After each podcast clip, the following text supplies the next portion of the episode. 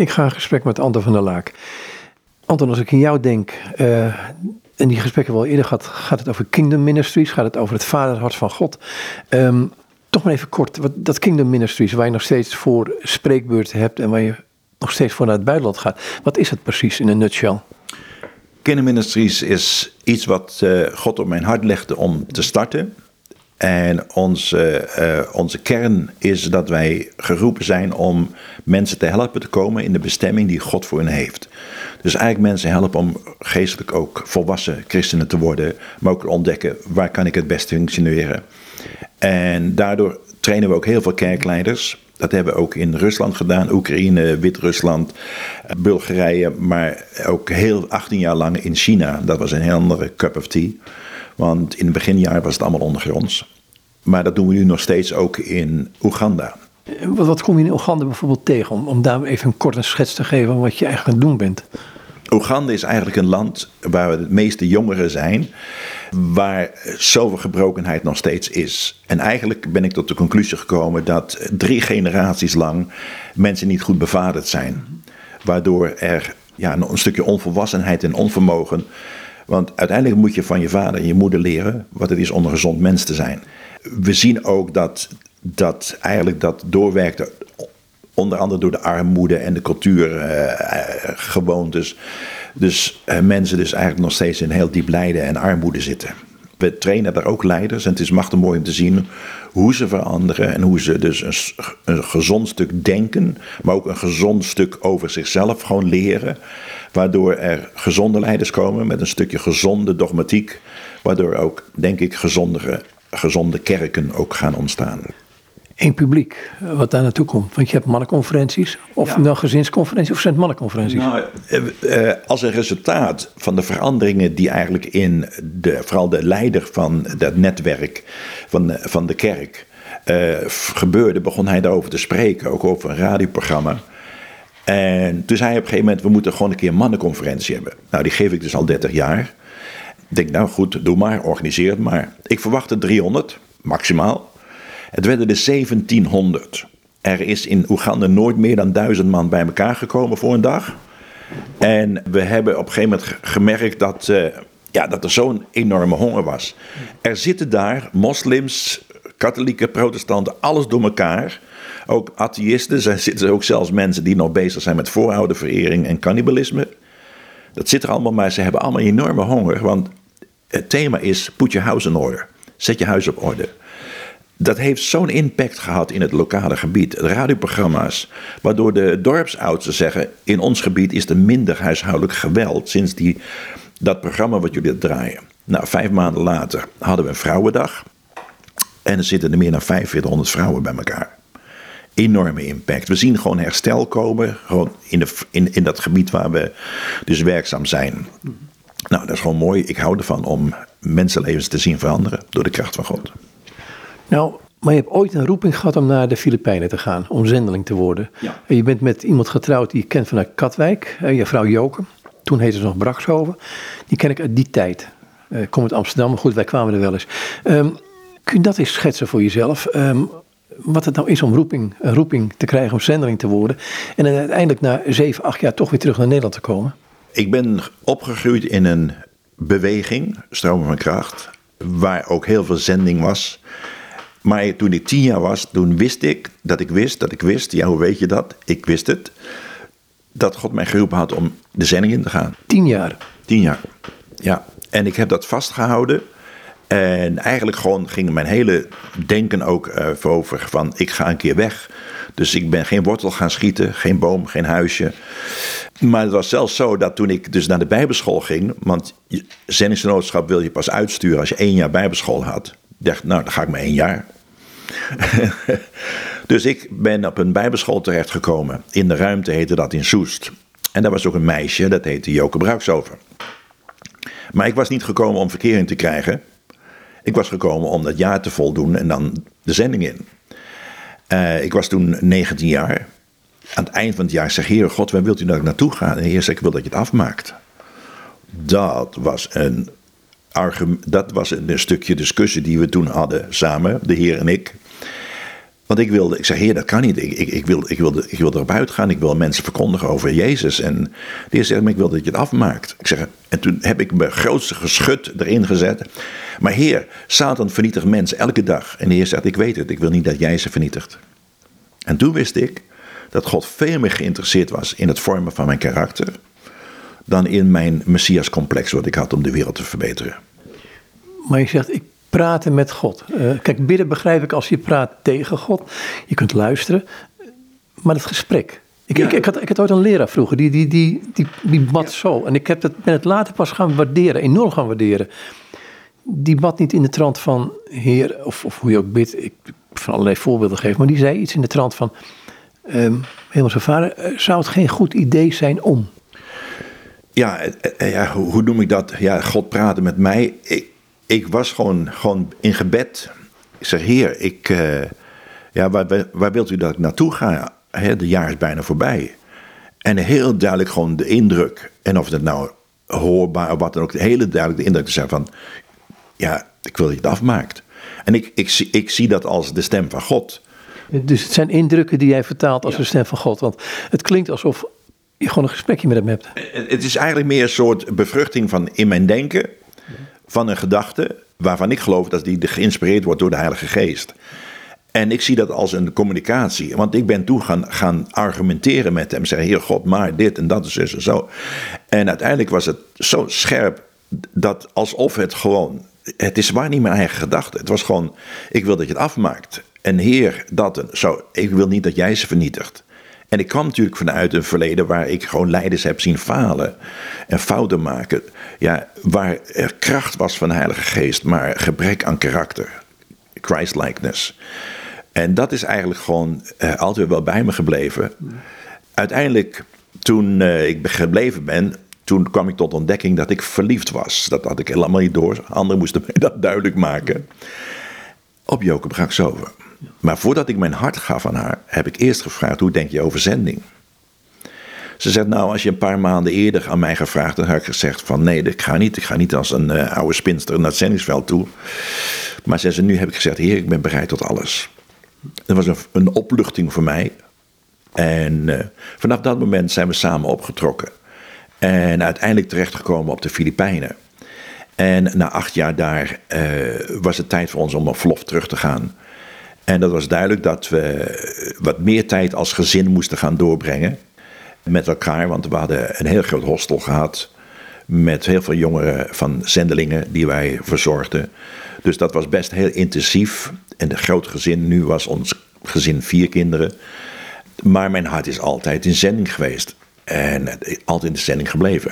Ik kreeg alleen een ander zendingsveld. Ik werd godsdienstleraar op de Christcamp juist in Leiden. En ik had een zendingsveld van 800 jongeren. En dat was ook een zendingsveld. Voor mij is het altijd een zendingsveld geweest. Wat bedoel je daarmee? Dat het een plek is waar je het getuigenis van Jezus mag laten horen. En wat dat betreft is de hele wereld een zendingsveld. Waar jij nu op dit moment bent, op je werk, of wat dan ook, op de school, wat dan ook. Dat is een plek waar jij een getuige mag zijn en je licht moet schijnen. Ik was bijvoorbeeld. Ik werkte op een boekbinderij, want ik ben dus. Uh, ik was toen nog leerling gezel. En ik werkte op een boekbinderij. En toen zei ik van, ik ga naar de bijbelschool. Toen zei de zomer van, oh ben je een christen? Het schokte me gewoon. Ik denk, dat ben ik niet helder en duidelijk geweest. Hè? Dat je aan, dus op een gegeven moment tot de conclusie moet komen dat ik dus christen ben. Dat was echt, ja, ik ben daardoor van geschrokken. Ik dacht, heer, dat wil ik niet, dat gebeurt. Het moet gewoon zichtbaar zijn. En weten de mensen bij jou in de buurt en in de straat en op je werk en plek wie jij bent dat jij een gevolging van de Heer Jezus bent. Dat is je licht laten schijnen. Maar goed, kijk, er zijn van die reclames geweest. Een inbreker herken je mee, meestal niet aan een lapje voor zijn oog. Hoe herken je dan? Is het alleen het feit dat je erover praat? Of? Uh, het feit dat je niet in de kring van de spotters zit. Dat is op een gegeven moment. Uh, een vriend van mij die zat dan in de bouwketen altijd. En daar hingen al heel veel van die, van die posters van blote half, half naakte vrouwen. En er werd ook grof gepraat. En op een gegeven moment zegt hij van jongens, luister eens, we komen allemaal uit Katwijk en we weten wel beter.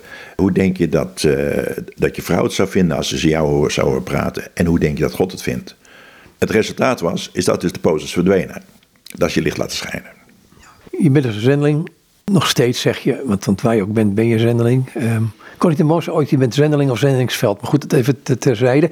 We zouden dit gesprek ook doen aan de hand van een aantal boekjes die je uh, uit je boekenkast hebben gehaald. En zit er al met eentje in, in je handen, Vanja. Hij betaalde zijn geloof met de dood. Uh, Rusland, toen het nog zeer Sovjet, uh, zeer communistisch was. Wat heel veel mij geholpen heeft, ook in mijn geestelijke groei, was het lezen van biografieën was lezen over uh, mensen in de geschiedenis van de kerk, ja, godsmannen en vrouwen. En de principes die uh, hun geholpen hebben om gewoon doorzetters te zijn en helden te worden. Uh, de boek Vanja heeft ontzettend veel tot mij gesproken. Ik wil gewoon even iets, iets noemen hier. Op 16 juli 1972 stierf een jonge soldaat in de Krim. Hij was christen, lid van een baptistenkerk en stierf op gewelddadige wijze. Want het was verboden in die tijd om te geloven in God. Want het atheïsme was de enige godsdienst die geaccepteerd werd. En hij kwam het leger in en hij ging gewoon bidden tot God. Maar knielen voor zijn bed, dat was not done. En op een gegeven moment werd hij gevraagd van, uh, tot wie bid jij dan? Hij zegt, tot God. Hij zegt, maar je weet het, zegt de, zegt de meerder, zijn meerdere in het leger, uh, dat we daar niet in geloven. Dus dat kan niet. Uiteindelijk uh, werd hij zo gepest ook door zijn meerdere. Op een gegeven moment werd hij midden in de nacht in de Oekraïne, in de winter, ijskoud, werd hij op wacht gezet bij de vlaggenmast. In zijn zomertenu. En hij was daar met God. En na een paar uur kwamen ze kijken, hoe is het met je, soldaat Vanja? Hij zei, prima meneer. Heb je niet koud? Nee meneer. Want hij had het niet koud. En ze konden het niet, niet begrijpen. En na uren later stond hij daar nog steeds, recht. En toen hebben ze hem maar weggehaald. Want ze werden er onrustig van dat iemand zo lang daar kon staan in zijn zomertenu. En alle soldaten keken vanuit de ramen, midden in de nacht, naar hem staande daar en kwamen onder de indruk. Dus hij was een getuige daar. Uiteindelijk was zijn getuigenis zo sterk dat ze hem gedood hebben. En dat hebben we willen verdoezelen als zijnde dat hij dus verdronken was. Zijn lichaam werd in een dichtgemaakte kist gestuurd naar zijn ouders. De ouders die hebben dus, de geloven van de kerk, die hebben de kist toch opengebroken. Toen ze dat gingen doen, gingen de lijfwachtsoldaten die dus mee moesten komen om te voorkomen dat die open ging, die zijn weggerend. Ze hebben foto's gemaakt, die foto's zijn in het westen terechtgekomen, hebben in Time Magazine gestaan, in allerlei bladen gestaan. En zijn lichaam was gewoon doodgeschoten. Je zag de enorm lijden, blauwe plekken, kwetsuren die hij had. Weet je, ik geloof dat als je als het christendom waard is voor te leven, dan moet je er ook voor kunnen sterven. En dat is altijd mijn, mijn verhaal geweest. En ik zeg dat niet lichtvaardig. Maar dit heeft mij enorm geïnspireerd. En het heeft ook ja, zoveel jongeren geïnspireerd om dit boek te lezen. Als je nergens voor staat, dan val je overal voor. En we leven in een tijd dat we alles maar moeten accepteren wat om ons heen gebeurt. Maar waar sta je nog voor? Waar leef je nog voor? Is het je waard om ervoor te leven. Voor jonge sporters hebben er alles voor over. Ja, het is waard om ervoor te, gewoon alles op te, op te geven. Om toch maar op die eerste plaats te komen. Om toch maar dat succes te behalen. Ja, ze hebben ervoor over om dood te vriezen op de Mount Everest. Als ze maar bovenaan komen. En wij als christenen, wat is, wat, ja, is het waard voor ons om ergens voor te sterven? Staan we nog ergens voor? Dat is hier in het Westen een moeilijke vraag. Toch, voor hem was het anders. Want hij wist, als ik geloof, kan het mijn leven kosten. Um, maar kun je gewoon een klein stukje lezen? Gewoon uit, een soort van. Want dat, dat, kijk, dat intrigeert me ook vaak als ik um, mensen uit moslimgebieden tegenkwam. Mijn vraag was vaak van. Is Jezus dan zo waardevol dat je voor hem zou kunnen sterven? Of de vlucht, of je, door je familie verbannen te worden, of, of te moeten vluchten? Ja. Ivan had gebeden voordat deze les begon. En vergans harte stemde hij in, nu in tot het debat. Een paar mannen haalden een sigaret tevoorschijn en draaiden zich op hun stoelen naar hem toe. Er hing een gespannen stilte in het lokaal. Vladimir begon. Goed dan, Iwan, wie is jouw God? Iwans plezier in wat een mooie gelegenheid leek om zijn zegje te doen tegenover de klas, was van korte duur. Mijn God, begon hij, is almachtig en hij kan alles. Midden in het lokaal begon een sergeant uit Armenië van zijn sigaret te hoesten. Hij stampte ongeduldig op de vloer en steunde geërgerd. Wacht eens eventjes, Moiseviu. Is jouw God almachtig? Ja. Hij kan alles? Ja. De plotselinge uitdaging in de ogen van de sergeant was onmiskenbaar. De soldaten keken geamuseerd toe. Als jouw God almachtig is en alles kan, bewijs dat dan maar eens. Overal werden nu bijvalsbetuigingen gemompeld. Iwans leven had in veel harten verwarrende vragen opgeroepen. De sergeant zei heel hard: Als jouw God aan alles kan doen, laat hij dan er maar eens voor zorgen dat ik morgen met verlof naar huis kan. Dan zal ik in hem geloven. Dat lijkt me billig, riep Waldemeer. Dat zou iets concreets zijn. Zwart op wit, ja of nee. Er werd namelijk zelden verlof gegeven en een dergelijke test liet geen ruimte over voor twijfels en vraagtekens. De reactie op deze uitdaging kwam al gauw. Ja, Ivan Vassiliewicz, ik heb je wel horen praten. Alles wat je er nu toe gezegd hebt klinkt als een sprookje. Maar als jouw God, Piotr Alexandrovits, ja, ja, met verlof laat gaan, dan zullen we geloven dat er een God in de hemel is. En? Het was ook zo dat hij op een gegeven moment verlof kreeg. Onverwars. En het gaf nog veel meer verwarrende vragen. Maar niet allemaal gingen ze geloven, maar er, er ging wel iets gebeuren daarin. En dat was zorgwekkend ja, voor de Russen. Ja, het is altijd van die moeilijke, moeilijke momenten van hè, als hij dat doet, dan ga ik geloven. Want dat, dat is niet altijd zo. Nee, dat is ook niet altijd zo. Want de mensen die dat zeggen, die geloven eigenlijk niet. En dat, dat overtuigen daarvan, ja, het kan alleen maar doordat God op een gegeven moment hart overtuigt. Je hebt nog wat boeken liggen die jou wat gedaan hebben of wat voor jou betekend hebben. Um, het zijn de twee, Georg Muller dacht ik. George Muller uit um, is het Bristol in Engeland en William Carey die is naar India gegaan en daar het, het, hele zendingswerk op poten gezet dacht ik. Nou, George Muller is voor ons uh, ja, een fantastisch verhaal van een man die gewoon God vertrouwde en in God geloofde. Bijvoorbeeld, hij stichtte een kinderthuis of hij kwam eigenlijk te zitten met kinderen. En hij stichtte kinderthuis. En hij heeft vele kinderhuizen heeft hij gesticht. Maar het was een man die God vertrouwde. Want het kostte geld. En het was in een tijd dat er niet zoveel geld was. Ja, natuurlijk is er altijd geld genoeg bij rijken. Maar hij verkoos ervan om God te vertrouwen. Dus hij maakte het, wat ik ken het verhaal vrij goed. Hij maakte het ook niet bekend dat hij nodig had. Nee, hij maakte niet bekend wat hij nodig had. Want hij geloofde dat God, ja, Jireh was, de voorziener. En dat God altijd zou voorzien. Een ander man, ja, die natuurlijk voor ons ook veel betekend heeft, is de oprichter van de OZG. De man die God geloofde. Ook hij maakte nooit bekend wat hij nodig had. Maar van George Muller hebben we dit geleerd. Gods werk, gedaan op Gods manier, zal nooit Gods voorziening missen. Als jij een werk doet voor God, dan mag je ook vertrouwen dat God voorziet. Dus hij maakte nooit wat bekend. Maar dan was het op een gegeven moment zo dat de, de, kinderen aan tafel zaten in het huis en er was geen eten. En dat die ging bidden en zei: Dank u wel, Heer, dat u voorziet in alles wat we nodig hebben. En dat we gewoon daarop mogen vertrouwen. En op dat moment wordt er geklopt op de deur. En dan komt de bakker, die komt brood brengen van de dag. En hij zegt: hij, Alsjeblieft, ik kreeg door mijn hart om dit bij jullie te brengen. En dat gebeurde stelselmatig, ook voor nieuwe gebouwen. Uiteindelijk toen zijn werk steeds bekender werd, kwamen natuurlijk nog meer fondsen. Want mensen zagen een man die goed werk deed met het geld wat ze hem toevertrouwden. Dat is natuurlijk belangrijk. Maar dit is zo inspirerend. Ja, dat is bijvoorbeeld ook met Hudson Taylor. Hudson Taylor die, uh, die was in China geweest, die kwam terug. En dan, ging, dan was het gewoonte in die tijd om lezingen te houden. En hij had een lezing gehouden in Brighton voor een, een, select gezelschap van nobele, edele mensen die ook een christelijk hart hadden. En hij zou er blijven slapen voordat hij de trein terug nam naar Londen.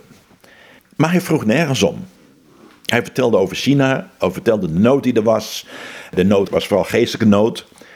En hij ging naar bed en de volgende ochtend zegt aan het ontbijt, zegt de heer des huizes, hij zei, je bent ook een link Michel hoor, je bent ook een slimmerd. Hij zegt, hoezo dan? Hij zegt, die meestal vraagt de spreker aan het eind van de avond om een offer, een collecte. Hij zegt, dan zou ik gewoon vijf pond gegeven hebben. Zeg, maar jij vroeg niks. En ik zat ermee. Hij zei, en vannacht heeft God tegen me gesproken dat ik je 500 pond moest geven. ja, want weet je, als je een collecte opneemt, ook in Nederland, nou, misschien dat je 5 euro krijgt, 10 euro. Maar als mensen met God gaan overleggen wat ze moeten geven, dan kan het zo wel zijn dat er meer komt. Dat is niet een trucje, maar dat is gewoon vertrouwen op God.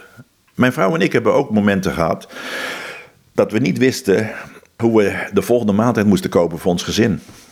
Hier in Nederland was dat? in Nederland, ja. we waren in een stukje transitie van. Uh, we stopten met de OZG omdat we uh, toch wat langer in Nederland moesten blijven. Ik was op zoek, heer, wat wilt u dat ik ga doen? En de voorziening van de, de, zending stopte. Nou, het, het, was op.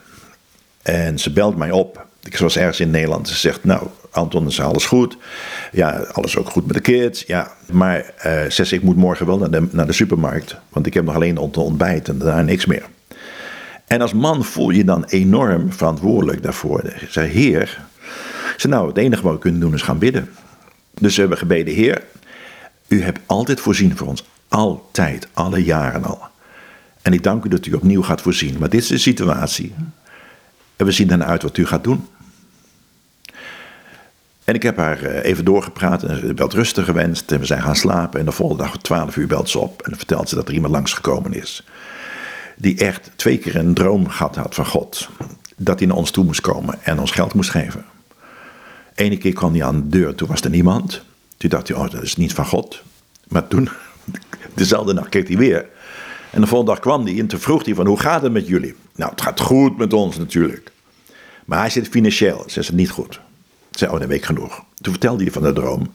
Hij ging weg om naar de bank te gaan en hij gaf ons echt een, een maandloon. En zo ken ik vele verhalen. Elke zendingsreis. Ik ben naar China gegaan dat ik gewoon 25 euro op de rekening had van de zending. Ik zei, nou heer God, het is interessant om te zien hoe u dat gaat oplossen. Is hij zo'n voorziener en hoe kom je aan zo'n vertrouwen? Want dat zal gegroeid zijn. Dat moet groeien. Dat moet echt groeien. Ja, in het begin keken we elke keer op onze rekening of er weer wat binnengekomen was. Maar dat wordt wat ontspannender. Weet je, geloof moet beproefd worden. En ik zeg niet dat dit voor allemaal is, maar God, God wil je uitdagen. We hebben heel veel. Ik heb nog nooit een zendingsreis moeten afzeggen, omdat er niet genoeg financiën waren. Ja, ik heb wel eens gehad dat ik bijna niet genoeg had om de hele periode daar te zijn. Maar God verzag altijd. En dat is een, een, heerlijk avontuur. Ik was in Nederland bezig met mannenconferenties. En, en dan moeten de mannen vooraf betalen voor hun verblijf en hun eten.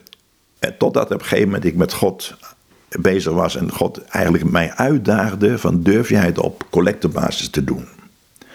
Ook weer zo, hè, Godspraak. durf je het op collectebasis te doen. Die indruk kreeg ik. Ja, dan moet ik over nadenken. Ik zei, oké heer. Want ik, ik wist gewoon, hij vraagt het wel, maar eigenlijk wil hij gewoon dat ik ja zeg. Dat was een uitdaging. Ik zei, oké heer. Dus zeg tegen mijn zoon, met wie ik de mannenconferenties deed, zeg, uh, de heer die is gewoon dit gevraagd aan mij. En ik denk dat we op collectebasis moeten doen. Hij zei, pa, weet u het zeker? Ik zei, ja. Nou, zei, gaan we het doen. Makkelijk voor hem natuurlijk, want hij had geen enkele financiële verantwoordelijkheid als het niet gebeurt. Maar het gebeurde, hè. En nu, gewoon zo'n 15 jaar, 20 jaar later, doen we het nog steeds op diezelfde basis. En het is er altijd. Ik ga nu even een ondeugende kant op. Ik hoor ook mensen, en zeker in uh, aan de andere kant van de oceaan, die zeggen: ja, uh, geef aan ons ministerie, je zult dubbel terug ontvangen. Iets dergelijks. Van die, ja, ik, wil, ik krijg er altijd slappe lach van, of ik krijg er iets anders van. Maar dat soort dingen, het, het irriteert mij altijd. Terwijl ik denk van dit, wat jij nu zegt, dat heeft een risico in zich. Want het betekent dus dat, um, dat je eigenlijk aan God ook zegt, wat in Filippenzen staat, um, dat je aan God vraagt of Hij jou geeft datgene wat, waarvan Hij vindt dat jij het nodig hebt. Als ik, aan, als ik vertrouw dat God voorziet, en dan vertrouw ik erop dat Hij gewoon mij leidt, ook in de, de plaatsen waar we naartoe moeten, de mogelijkheden die er zijn. Kijk, ik hield wel seminars in Nederland deden we ook op collectebasis. Want heel veel uh, mensen, ja, bijvoorbeeld een huisvrouw wiens man dus niet uh, gelovig is, een vrouw wiens man niet gelovig is, die uh, mag absoluut niks geven aan christelijk gebeuren, want dat wil die niet. Maar die zou dus ons seminar niet kunnen volgen. Een man met een uitkering, met een gezin, die zou ons seminar, onze mannenconferentie niet kunnen volgen. En ik geloof dat het evangelie beschikbaar moet zijn voor iedereen. Dus op die manier doen we collectebasis. Hebben we nooit tekort gehad. En wat dan extra binnenkwam bovenop, daarvan kon ik weer reizen betalen. Dus het was niet helemaal zo dat we niks vroegen, maar we vroegen niet voor onszelf. Zeg van, luister. En dat, dat zei ik aan het begin van het seminar, zes avonden. Ik zeg, elke keer dan is de gelegenheid om wat te geven. Je kan een incassokaart invullen, je kan het erin doen. Vul maar niet het bedrag in, dan doen wij dat wel. Is een geintje. Maar ik vergat het soms gewoon. De tweede keer of de derde keer. Dan zei iemand, ja, moet even. Zei ja, daar liggen ze en doe maar. Ik wil er geen aandacht aan besteden. Want ik wil vooral voorkomen dat mensen gaan denken dat mijn God arm is. En dat hij zit te wachten op mijn geld. Wat er gebeurt is dat geld is natuurlijk een heel erg problematisch iets. Offeren en geven. En dan krijg je van die, van die theologieën, van die, van die beweringen van... Ja, als je zaait in Gods koninkrijk, ja, dan krijg je 30, 60, 100voudig terug. En Gods woord is waar. Het is alleen, het grote probleem is, in Gods koninkrijk zaaien is iets anders als in mijn bediening zaaien. Want degene die dat predikt, die gaat het gelijk toepassen. Ja, en God heeft de blijmoedig gegeven lief. Joh, dat hebben sommige christenen al honderd keer gehoord. Eh, die tekst kennen ze wel. Dan moeten ze weer gestimuleerd worden om blijmoedig te geven. Nou, ik heb zelfs zo meegemaakt, een voorbeeld geven, in Rusland. Ten tijde van de piramideconstructie daar, waardoor banken instortten, economie kapot ging. Komt er iemand en die gaat een congres doen over geven. En er zijn duizenden mensen komen eraf, christenen, zakenmensen. Banken waren corrupt. De zakenmensen hadden al hun geld in dollars op zak. En hij gaat gewoon zeggen: De Heer God spreekt hier dat er honderd mannen zijn die uh, gewoon uh, duizend euro moeten gaan geven. Dan gaat de Heer je werk zegenen. Dan ga je 30, 60, 100voudig ontvangen. En ze komen, ze geven, ze geven, ze geven. Ja, want iedereen wil geloven in dit wonder. Het is alleen het grote probleem is: wat als God het nu niet geeft? Ik heb wel eens gezegd: als je zeker weet wat je zegt, ja, dat als je nu gaat zaaien, dat je 30, 60, 100 fouten terug ontvangt. Als je dat zeker weet, wees dan ook zo ferm te zeggen. En als God het niet doet, kom je naar mij toe, dan doe ik het. Dat is eerlijk. Dus eh, ik, hou niet van, ik hou niet van hele lange preken. In, in sommige landen, zoals in, Afrika ook, heb je twee preken op een zondag. De ene gaat altijd over geld en de tweede gaat altijd over. Uh, is altijd gewoon aan de collecte. Ja, uh, en de andere preek is altijd over de boodschap die de men dan heeft voor de zondag. Een christen die volwassen is, weet gewoon dat om de toko te laten draaien, die de kerk is, is er geld nodig, klaar. Daar mag je ook, je tiende hoef je helemaal niet te verwachten dat de vrucht overheen komt. Want dat is gewoon huur betalen. De tiende in de Bijbel was gewoon, de boeren moesten dat betalen aan God, want het land was van God. Maar offeren, dat is iets anders. Maar God vertrouwen is gewoon mooi. Ik, ik weet, Augustinus zegt over het geven aan de armen, en ik, ik parafraseer nu. Zegt geef aan de armen en dan heb je een schat in de hemel. Dat is je bankgoed in de hemel. Ja. In de hemel. Ja. He, daar, niet hier. Ja. Nou ja, goed, ik geloof zeer zeker dat we schatten moeten vergaren daar. Toen in 2008 de beurskracht kwam in Nederland. En op een gegeven moment aandelen kelderden en er bijna niks waard waren. Ik zeg van ja, vind het gek? Je had dat ook ergens anders moeten investeren. In Koninkrijk van God. En mensen zaten zo in de rats. Ik zei, joh, luister eens. En mensen vroegen aan mij, Anton, Anton, denk je dit gewoon het begin is van de eindtijd? Ik nee, dit is de generale repetitie. Er komt een tijd dat christenen niet kunnen kopen en verkopen. Als ze tenminste serieus christen zijn. En op een gegeven moment moet je dan leren te vertrouwen dat God voorziet. Ook in die moeilijke omstandigheden. En op een gegeven moment gaan mensen nu al helemaal in de stress komen, in de paniek raken, want hun pensioenfondsen drogen op. Heb ik nooit druk over gemaakt. Ja, dus uiteindelijk moeten we niet leren ja, in die donkere tijd te vertrouwen. We moeten nu leren te vertrouwen op God. Je had nog een boek, dacht ik. Even kijken hoor. Um, William Carey. William Carey, ja. Dat heeft jou geïnspireerd. Um, nee, je had al een roeping gehad toen je tien was. Dus dat kan William Carey niet gedaan hebben. Nou, die leefde lang daarvoor, maar goed. Uh, waar inspireerde hij je wel toe? Nou, William Carey is een... Uh, ja, bijzonder man. Die de, gewoon de, de geestelijke pionier is van, van, van India. En wat hij niet allemaal gedaan heeft in geloof. Ja, deze mensen, en Hudson Taylor ook. Ze hebben hun vrouw verloren. Ziek geworden. Willem Kersen vrouw, die werd gewoon door, door het hele leven daar, is buiten zinnen gekomen. En denk mezelf, ja, nou, wat is dat voor getuigenis? Maar ze, waren, ze namen die keuzes wel heel erg ze waren erg bewust van de keuzes die ze maakten. Vroeger, als je zendeling werd naar Afrika, wist je dat je 90% kans had om nooit meer terug te komen. Roeping is de bereidheid om te gaan en daar te sterven. Maar goed, tegenwoordig noemen we dat geen zending meer, dacht ik. Hè? roepen. Ik zal een voorbeeld geven van, van, van uh, Anne van der Bijl. Anne van der Bijl zei jaren geleden: Er is geen enkel gesloten land. Also, je kan in elk land binnenkomen. Maar het wil niet zeggen dat je eruit kan komen. Kijk, dat is hetgene. Ja, ben je bereid om datgene wat op jouw hart komt, om dat te volgen, ook al kost het je leven? Ik ben in China 18 jaar werkzaam geweest. Ik ben drie keer gearresteerd. Zes weken later, na de eerste keer, was ik weer terug. Ik wist het donders goed dat ik ook daar zou kunnen sterven. So what? Dat is het volgen van Jezus. Ook de kans dat je sterft. Ga ik terug naar het woordje zending. Dan ga ik terug naar het woordje zending. Dat is tegenwoordig not done meer, lijkt het. Het lijkt een woordje wat niet zo makkelijk te gebruiken is meer. Het zijn meer ontwikkelingswerkers. Het zijn mensen die uh, met een, ja, zo'n soort tentenmaker gaan. Of niet verkeerd. Ja, dat is natuurlijk een heel, heel, heel geladen onderwerp. Uh, career missionaries, ja, carrière zendelingen, kom je niet zo vaak meer tegen. Want dat zijn mensen, dat die mensen die zijn bereid om een diepte-investering te doen. Om daar te gaan wonen. Het voordeel van daar wonen is, is dat je echt opgenomen gaat worden in de cultuur. En mensen gaan jou leren zien. En ze zijn eerder het evangelie. En ze zijn eerder het getuigenis van Jezus. Dan dat ze het prediken. En dat is, is, is, is, is, is de mens dan een vertaling van het evangelie? Ik geloof dat wij, dat wij dus een vertaling moeten zijn van het evangelie. Mensen moeten aan ons leven kunnen zien in wie wij geloven. Bijvoorbeeld in Thailand, als een zendeling daar een huisje nodig had om te gaan wonen, dan ontkwam hij er bijna niet aan dat er een geesteshuisje in de tuin stond. Wat toegewijd was aan de geesten, de geesten in Thailand, de boze geesten. Nou, die huizen die waren dan, als, als er een hele occulte toestand was geweest, een hele nare toestand was geweest daar, dan stond zo'n huis leeg. Niemand wou het hebben, want er zaten boze krachten op en al dingen meer. Dus de enigen die het konden huren waren christenen.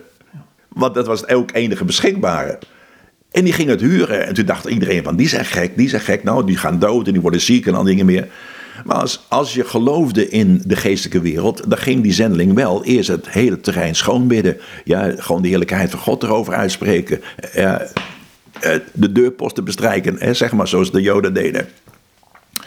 En ze bleven leven. En ze zagen dat deze mensen niet ziek werden, niet dood werden. Dus er was een kracht in hun die groter was als de kracht daar. Er gaat geen enkele geen enkele persoon van een andere religie gaat in God geloven. Vooral mensen die in de geestenwereld geloven en boze geesten gewoon gekweld worden daardoor. Die gaan niet in God geloven, tenzij ze zien dat onze God sterker is dan die machten die ze hun lang gevangen gehouden hebben. Maar er is heel veel ontwikkelingswerk. Uh, er zijn ook heel veel mooie projecten van weeshuizen opzetten en, en, en, en, en ontwikkeling van, van, van de scholen, vakscholen. Het is allemaal mooi werk. Maar het gaat erom, zending is altijd dat we gaan om te verkondigen dat Jezus de ene weg is tot behoud, tot redding. Ik ga nog even naar William Carey toe. Um, maar William Carey heeft dus in, in uh, India die zending opgezet zoals Hudson Taylor in... Um, in China. China gedaan heeft. Um, ze zijn er ook als, wat Hudson Taylor, die geschiedenis ken ik, geschiedenis ken ik wat beter, die is ook als Chinees gaan leven en niet als westeling die daar in, met een andere cultuur binnenkomt. Ja, Hudson Taylor was de eerste. In China had je allemaal concessies een Hollandse concessie, Engels concessie, uh, Amerikaans concessie. En daar moesten ze allemaal blijven. Dus hun waren beperkt in het ingaan, in, in, dieper in het land in te gaan. En dan had je dus die heerlijke Britse theeparties had je. En dan kwam iedereen echt als Brits. Ja, in een snikheet land waar je gewoon schimmel kreeg vanwege het feit dat je zo dik ingepakt was. En op een gegeven moment kwam hij binnen en hij had zijn haar geschoren. Zijn hoofd geschoren en de lange staart had hij. En hij droeg de zwarte rok van de Chinezen. En hij zag eruit als een Chinees. De vrouwen vielen flauw van schrik. Maar hij had gekozen om zich aan te passen aan de cultuur waarin hij zat. Ook Chinees te leren. En ook daar uh, en het binnenland in te gaan. Ja, er was het China Inland Mission. Tot diep in, in China werd in elke provincie werd er een getuigenis gezet. Voordat ze het land uit moesten, hadden ze elke provincie hadden ze in hadden ze een getuigenis van Jezus Christus. William Carey heeft hetzelfde gedaan. Hij, hij is ook degene die uh, bijvoorbeeld Ja, het is ongelooflijk. Hij heeft bijvoorbeeld alle planten en alle bomen heeft hij gecatalogiseerd. Hij heeft het Sanskriet woordenboek heeft hij geschreven voor de Indiërs, wat nog steeds gebruikt wordt als een basis. Hij heeft daarnaast allerlei dingen gedaan. Hij had een drukpers waar hij het evangelie eh, gewoon dingen drukt. Hij heeft enorme impact gehad. Niet alleen door het evangeliseren, maar ook door dienstbaar te zijn aan de, aan de cultuur van het land. En William Carey had zei van, als je een klein geloof hebt in God, zal je kleine dingen doen. Als je groot geloof hebt in God, ga je ook grote dingen voor God doen. Maar er zit nog iets anders bij. Hè? En dat vind ik, vind ik altijd het curieuze daarvan. Is dat ehm, hij preekt daar het evangelie. Um, hij vertelt over de Heer Jezus. En de Heer Jezus, die past schijnbaar niet alleen in onze westerse cultuur. Als hij daar überhaupt in past, maar goed.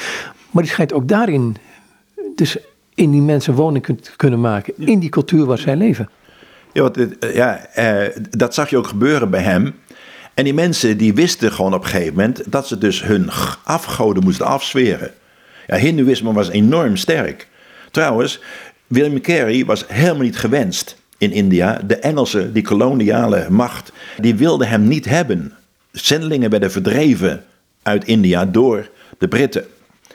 Want ze wilden niet op hun vingers gekeken worden hoe ze omgingen met de mensen. En daarom was hij dan ook in het moerasgedeelte, wat dus later rondom Calcutta ontstond, daar woonde hij. En hij kwam dus naar Calcutta met bootjes, die dan, zo kwam hij dat gebied binnen. Maar werd tegengewerkt. Maar ja, de boodschap van God is voor elke cultuur, elke ras, elke natie. Maar elke cultuur moet dus afzweren bepaalde cultuurgedrag. Ja, in het Hindoeïsme is alles occult. Iedereen die geboren wordt, krijgt een Hindoe-naam. En daarvan dan dat als mensen christen werden in, in, in India, toen hij daar was, maar nu nog steeds, als ze gedoopt worden, krijgen ze een nieuwe naam. En toen het kastenstelsel op losse schroeven stond, dat hebben de Engelsen wel afgeschaft, het kastensysteem. Maar toen de Engelsen weggingen en zelfstandig werd, wilde men het kastensysteem weer invoeren. Toen hebben de christenen gezegd: luister eens, wij horen tot geen enkele kasten. Zijn kasteloos. Daarom hebben ze ook niet alle rechten die kasten krijgen, belastingtechnisch en zo. Maar daarom dat ook als je tot geloof komt in India, nu nog vandaag aan de dag, moet je, ja, en je wordt gedoopt, dan krijg je een nieuwe naam. Want anders dan blijft die naam van die afgod nog steeds in jou invloed hebben. Daarvandaan is er, uh, er is een anti-bekeringswet. Er is niet een anti-geloof, een anti-bekeringswet. En men weet precies wie dat is, omdat men een nieuwe naam krijgt, waardoor ze dus ingeschreven worden. En de, de Dalits, die de onderste laag van de kasten waren, die waren zo verdrukt, verdrukt, verdrukt, dat ze op een gegeven moment gewoon niet langer meer dat wilden. En ze zijn op zoek gegaan, waar kunnen we vrijkomen? En ze zijn tot geloof gekomen, massaal, tot Jezus Christus. En die hebben op een gegeven moment gewoon ja, die vrijheid ervaren, waardoor ze ook kasteloos werden. Oftewel, de Dalits kregen nog af en toe wat steun en bijstand. Die rechten, die raakten ze ook kwijt. toch werden ze christen, want ze wilden Jezus volgen. Ondanks dat het hun, zeg maar, de uitkering ja, ging kosten. Jezus geeft dus een grotere vrijheid ook. Uh, het is bewezen, in India is bewezen dat als christenen, dat is eigenlijk over de hele wereld zo, het is bewezen dat als christenen, als mensen christen worden, dan ontstaat er welvaart. Dan gaat het er beter. Dat is gewoon een feit. Ja, en ik geloof daar helemaal heilig in. Als op een gegeven moment Christus in je leven komt, komt er een orde, er komt een rust, er komt een sound mind. En we zien op een gegeven moment dat dus daar de cultuur verbeterd wordt. Er ligt hier een ander boekje nog, Long Sing, door Jan Pitt. Inmiddels overleden, dacht ik al een aantal jaren geleden. Ehm, die strijd en oerwinning van christen onder communisme. Volgens mij zeer Zuid-Afrikaans, maar het gaat niet over Zuid-Afrika, neem ik aan. Het gaat over Laos. Jan Pitt was voor de OZG, voor de OMF tegenwoordig, Overseas Missionary Fellowship, was hij zendeling in Laos. En dat was ten tijde van de, ja, de communistische strijd in Vietnam. De Mekong-rivier die stroomde zo'n beetje over de grens heen. Dus ook heel vaak was er allerlei schermutselingen ook, ook in Laos zelf. Het was een niet makkelijke tijd, gevaarlijke tijd. Maar hij ging dus de stammen in, de dorpen in, diep in de bush, om het evangelie te verkondigen. En hij vertelde een keer, hij zegt, hij, hij zegt ze weten allemaal dat er een man een stap gezet heeft over de maan. Maar niemand weet dat er ene stap gezet heeft op de aarde die uit de hemel kwam. En dat ging hij vertellen. Jan Pitt heeft malaria tropica gekregen en hij was binnen een paar dagen dood, was die dood. In het dorp, in de bush. En dat was lastig voor zijn collega, want ja, hoe gaan, hoe gaan ze hem nou eruit brengen? Toen zei een jongetje, maar Atta John, ja, oom, oom Johan, had toch verteld dat Jezus mensen uit de doden opwekte. Kunnen we niet gaan bidden dat de Heer hem uit de dood opwekt? Ja, die zendeling kon niks anders. Toen hebben ze de mensen die er omheen zaten, die waren net, sommigen waren maar net, net christen nog een dag, zijn gaan bidden. En Jan is dus uit de dood opgestaan. Hij heeft dat jarenlang niet verteld. Later heeft hij het wel verteld. De artsen hebben ook geconstateerd dat hij malaria tropica gehad heeft. En dat was vroeger was malaria tropica. Of je wordt krankzinnig of je sterft. Uh, maar Jan is voor ons een inspiratiebron geweest. Waardoor we uiteindelijk ook in Azië terechtkwamen. Hij heeft ook ons getrouwd. Maar dit soort mensen zijn, zijn helden waar je tegenop kijkt. Een held, mag, dat, je als christen een held hebben? Ja, weet je, de waarde van een held is, is dat hij zo hoog staat daar dat je ook dat wil bereiken. Je zal misschien nooit dat niveau bereiken, maar je komt wel verder als dat je ooit beest gekund had. Jezus is ook een held. En we mogen hem nastreven. We willen worden zoals hij.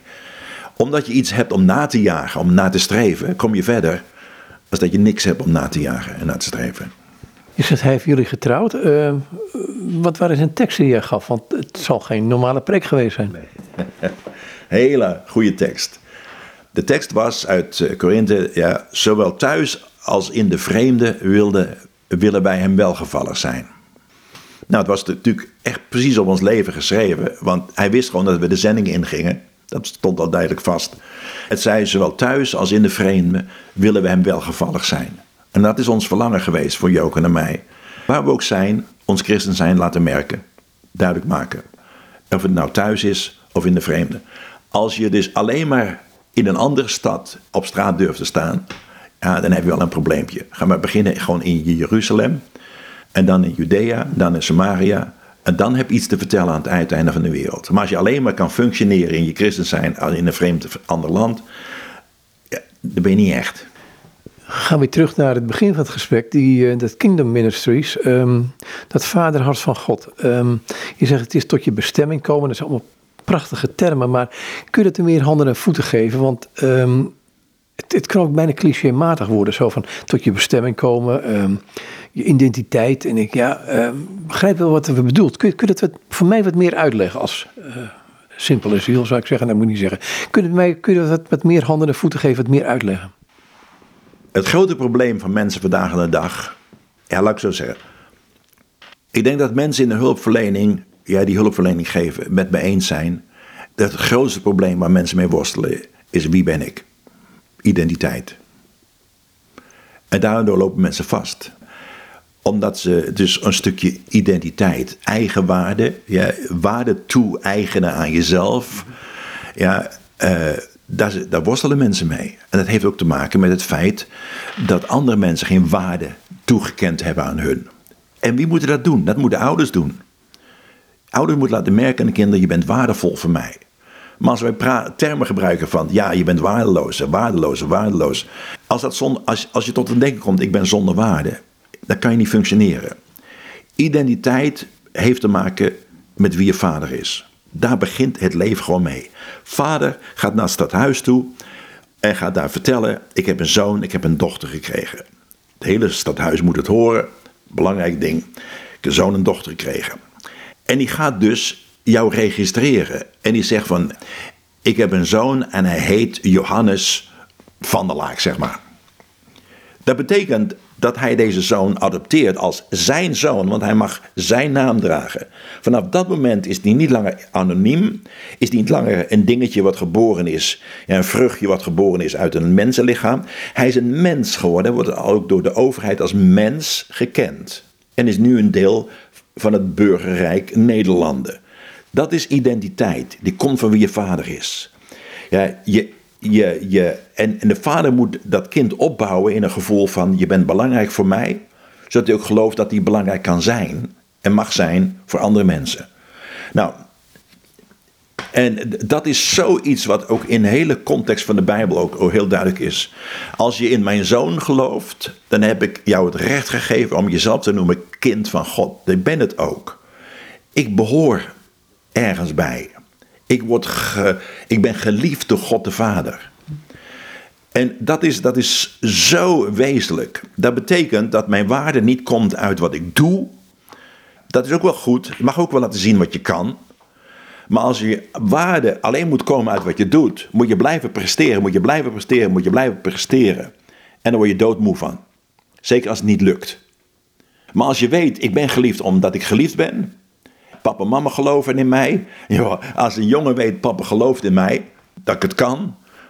Dan zal hij het ook willen bewijzen ook dat hij het kan. Dus het, het geeft een, een, zelfvertrouwen. Het geeft een positief zelfbeeld. Een beeld, een zelfbeeld heb je niet van jezelf. Een zelfbeeld krijg je door het spiegelen van je gedrag. En je ouders zijn de spiegel. En als op een gegeven moment de spiegel niet goed is en vertekend beeld geeft, dan krijgen mensen een vertekend beeld van hunzelf. Zelfbeeld heb je niet van jezelf. En op een gegeven moment als ouders dus een beeld scheppen dat als de kinderen aardig zijn, dan zijn ze lief. En als de kinderen niet aardig zijn, zijn ze niet lief. Als de kinderen veel doen, dan zijn ze lief. En als de kinderen stout zijn, zijn ze niet lief. Dat is zo'n dubbel verhaal, daar kan hij niks mee, wordt hij onzeker van. En uit die onzekerheid gaat hij proberen een people pleaser te worden. Mensen te behagen. En daar komt hij mee in de kramp. Dan gaat hij hem gemanipuleerd worden. Mensen kunnen gemanipuleerd worden omdat er iets is. Omdat, er, omdat die ander uh, weet, er is iets wat die persoon nodig heeft. En ik kan hem dat geven. En als op een gegeven moment die persoon ophoudt om dat te geven, dan is die helemaal, helemaal van de kaart af. Manipulatie betekent gewoon dat je in de zwakte van een ander mens, die mens op een gegeven moment kan gebruiken voor wat jij wil. Goed, je zegt, um, hè, als je, je, je, je vader die geeft jou je identiteit, dus je wordt eigenlijk gevormd door een ander. Je identiteit ligt in een ander. Um, het is ook een hele Joodse gedachte is dat, dat wij in de ander onszelf worden. Zelfs in de ander met een hoofdletter. Ja, dit is ook zo. En we leven natuurlijk in een samenleving waarin uh, uh, gezinsverbanden gewoon helemaal stuk gaan. Jongelui die weten tegenwoordig niet meer wie de oudtantes en oudooms zijn. Er is zoveel gebrokenheid in relaties. Nu staat ook weer nieuwe, nieuwe mogelijkheid op de kaart om uiteindelijk uh, toch ja, de naam van je moeder ook te kunnen aannemen naast het hebben van de naam van de vader. Er is zoveel onzekerheid. Alle, het hele fundament van het mens zijn, gezin zijn, familie zijn, er is zoveel aan getrokken, aan getornd. Waardoor de mens eigenlijk gedwongen is om gewoon uh, zichzelf te zien als het middelpunt van de wereld. Nee, wij, leven in, wij zijn deel van een gezin, wij zijn deel van een geslacht. Daar horen we thuis, daar zijn we geliefd, daar worden we aanvaard, daar worden we aangemoedigd, daar worden we bevestigd en daar mogen we thuiskomen. Nou, dat gaat, het, gaat steeds individualistischer worden. En een mens heeft relaties nodig om gezond op te, op te groeien. Maar is dan, is dan um, ik kan een Levinas gaan bijvoorbeeld van het feit dat ik in, in, ik word pas een persoon in relatie tot de ander beetje gek maar een ander met een hoofdletter. Is het zo wezenlijk dat je in die relatie met God komt, waardoor je gaat merken van, um, ik ben wie ik ben, of dat je door God tevoorschijn gekeken wordt, of hoe je het ook allemaal noemen wil? Het probleem met evolutionisme, er is wel, dingen evolueren wel binnen het soort, maar het groot probleem met evolutieleer, het groot probleem daarmee is dat, waarom ben ik geschapen? Waarom ben ik? Eh, de zingeving van het leven ontbreekt. Het is een toevallige samenloop van omstandigheden waardoor de mens ontstaan is. En het enige wat hij zeker van is, is dat hij doodgaat. Uh, er is geen, geen, geen, geen zin in. En God geeft zin aan het leven. Hij heeft de wereld geschapen naar zijn beeld en zijn gelijkenis. En die eerste mens wordt in het geslachtsregister van de Joden ook genoemd Adam, de zoon van God. Oftewel, God heeft ons niet op de wereld gezet en ons verlaten. God heeft ons op de wereld gezet om een gezin te vormen. Om een relatie te hebben met de, de levensgever. Ja, dat de mens daar losgeslagen geraakt is, is omdat hij gewoon de keuze maakt om dus ongehoorzaam te zijn. Als iemand op een gegeven moment er niet voor kiest om bij een gezin te horen en het gezin te verlaten, kan hij allerlei problemen terechtkomen. dus uiteindelijk geloof ik dat als we de vraag hebben van wie ben ik, waar ben ik, waarom ben ik en waar ga ik naartoe, wat alle filosofen zichzelf afgevraagd hebben, zitten op een steen met een hoofd in hun handen, kan alleen maar beantwoord worden door God, die de schepper is van de mensheid. Maar je in wezen ook, um, want daar, zijn, zijn we, daar kunnen we, zeker als je in een christelijke bubbel zou leven, ben je nogal sterk in om zingeving om zingeving toe te kennen aan de dingen die je doet en waar je mee bezig bent. Terwijl je zegt nu in wezen, als God de zingever is, dan, geeft, dan kan hij dus alleen maar zingeving aan mijn leven geven. En het vraagt aan mij misschien niet, niet meer dan overgave van hem. uh, omdat de mens een neiging heeft, laat ik zo zeggen, in een gebroken wereld waarin we leven, weet God alleen wat de beste manier van leven is. En de mens heeft ervoor gekozen in, in, de, in, in, in, in het begin van de schepping om zijn eigen weg te zoeken. En is daardoor in de ellende gekomen. Dus al op een gegeven moment je onderwerpen aan God betekent gewoon: Heer, uw wil is het goede en het beste voor mij. Ja, het is niet omdat je slaaf zal zijn, maar omdat je vrij wil zijn. De waarden en normen van het koninkrijk van God hebben eeuwenlang onze, onze maatschappij op een goede manier ontwikkeld. Tuurlijk waren er allemaal andere elementen. Maar die hadden niks te maken met, met, de, met het koninkrijk van God. Liefhebben. Vaders en moeders die elkaar lief hebben, die trouw zijn, scheppen een enorm veilige plek voor kinderen om gewoon gelukkig op te groeien. Uh, liefhebben van je naaste. Uh, kijk, liefhebben van je vijanden. Luister eens, ik hou van mensen om wie ze zijn. Ik hoef niet te houden van alles wat ze doen. Maar de mens is een mens door God geschapen. En ik accepteer die mens dat hij het recht heeft om te bestaan het is alleen, ga me niet aan mij vragen dat ik jou met jou, jouw levensstijl vereenzelft of dat ik eraan toegeef. En dus uh, het dienen van God is niet een slaafsheid. Het, het onderwerpen aan de waardenormen van het koninkrijk van God betekent dat je een solide basis hebt om je leven op in te richten en te peilen. En die solide basis zijn we kwijt. Meer dan 60% van de jongeren zit momenteel in een crisis met vragen, onzekerheid, leunen tegen depressie aan. 60% van onze jongeren. Dat is schandalig. En ik geloof maar één ding. Ik heb het zo vaak zien gebeuren. Als mensen God gaan leren kennen. En Hij Heer van wordt van hun leven. En ze gaan, ze gaan zijn liefde ontdekken. Dan is er een heel stuk genezing. En dan gaan ze ook leren ontdekken van. Als ik dat doe wat hij van mij vraagt. Dan gaat het goed met me. Opdat het u wel gaat, zegt de Bijbel. Dan kom ik eigenlijk weer uh, wat in het gesprek al eerder hè, naar voren laten komen, dan is het een God die ook voorziet en zorg heeft voor je. Ja, God wil het beste voor je. Hij wil dat het goed gaat. Ik weet welke gedachten ik over u koester, staat er in de Bijbel. Gedachten van vrede en niet van onheil om u een hoopvolle toekomst te geven. Maar dat is binnen het kader van waarden en normen die gezond zijn.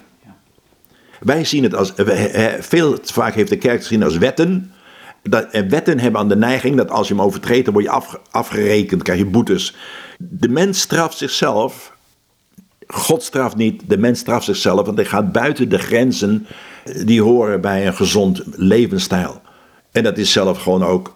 We kunnen, ja goed, laat ik niet, niet verder dieper op ingaan. Maar buiten de grenzen gaan van waarden en normen, eh, dat maakt dat we op een gegeven moment overgeleverd zijn aan ons eigen denken hoe het moet. Maar goed, dan, dan is ik, ik ga er even een hele gemene cijfer op doen. Ik heb mensen op, de, op een vuilnishoop, die wonen in een hutje op een vuilnisbelt in Mongolië, in Ulaanbaatar. Die heb ik daar heel gelukkig met God zien, zien zijn. Ondanks het feit dat ze daar minimale middelen hadden. Dus die zegen en die zorg voor hem, dat betekent niet per se welvaart. Nee, ik denk dat dat pas komt als op een gegeven moment ja, we gewoon de heerlijkheid van God de aarde zien vervullen dat, dat gaat komen. Kijk, ik heb ze ook gezien op de vuilnisbelt in, in Manila natuurlijk. Waar ik dus gelukkig door de vele rook gewoon mijn tranen de vrije loop kon laten. Want uh, ongelooflijk. Maar dan is de grote vraag natuurlijk wel, wat gaan we eraan doen? Want we hebben de mogelijkheden om er wat aan te doen. Kijk, dat is dan weer de verantwoording, geloof ik ook van christenen. Wat gaan we doen aan mensen die zo moeilijk hebben? Eh, op dit moment hebben we gewoon een, een hele zorg voor een, een, een rescue home van 45 kinderen. Die, dat is voortgekomen uit de, de, de coronaperiode, dat het eh, in Oeganda op lockdown zat. En daar, is, de, kwamen we tegen een familie, een vrouw die, een oma die 24 van haar eigen kinderen had. Al haar eigen eh, kleinkinderen had. Al haar eigen kinderen waren gestorven aan aids en allerlei andere zaken. En zij, zocht, zij moest voor die kleinkinderen zorgen, maar dat kon ze niet meer. En uiteindelijk is er een rescue home gekomen waar eh, onze medewerkers gewoon zorg voor hebben. Maar het voorzien voor de dagelijkse eten is gewoon heel moeilijk voor ze. Uh, de faciliteiten zijn er wel, daar zorgt een andere organisatie voor. Maar day-to-day, gewoon eten en ook de medische zorg. Uh, terwijl we gewoon in Nederland op, ja, uitpuilen van de middelen en het geld. Kan ik het zo resumeren dat je zegt van, um, hè, want je, je, je hebt getuigd van God zorgt voor mij, ook in penibele omstandigheden. Ja. Dat hij voor je zorgt zodat jij voor anderen kunt zorgen? Ja. Ja, wij, wij ontvangen het om niet, geven het om niet. Dan wil ik het hierbij laten. Dankjewel. Graag gedaan. En dit is Anton van der Laken. En ik was met hem in gesprek over een aantal boekjes. Uh, van ja, onder andere van Myrna Grant. Um, een boekje van Jan Pitt. We hebben het zelfs niet eens over de uitnodiging van Paul Jong gehad, maar goed, jammer. En we hebben het gehad over George Muller en William Carey. En natuurlijk over zijn eigen bediening, zoals het heet, Kingdom Ministries. Goed, nogmaals dus, dat zo over dit gesprek met Anton van der Laak.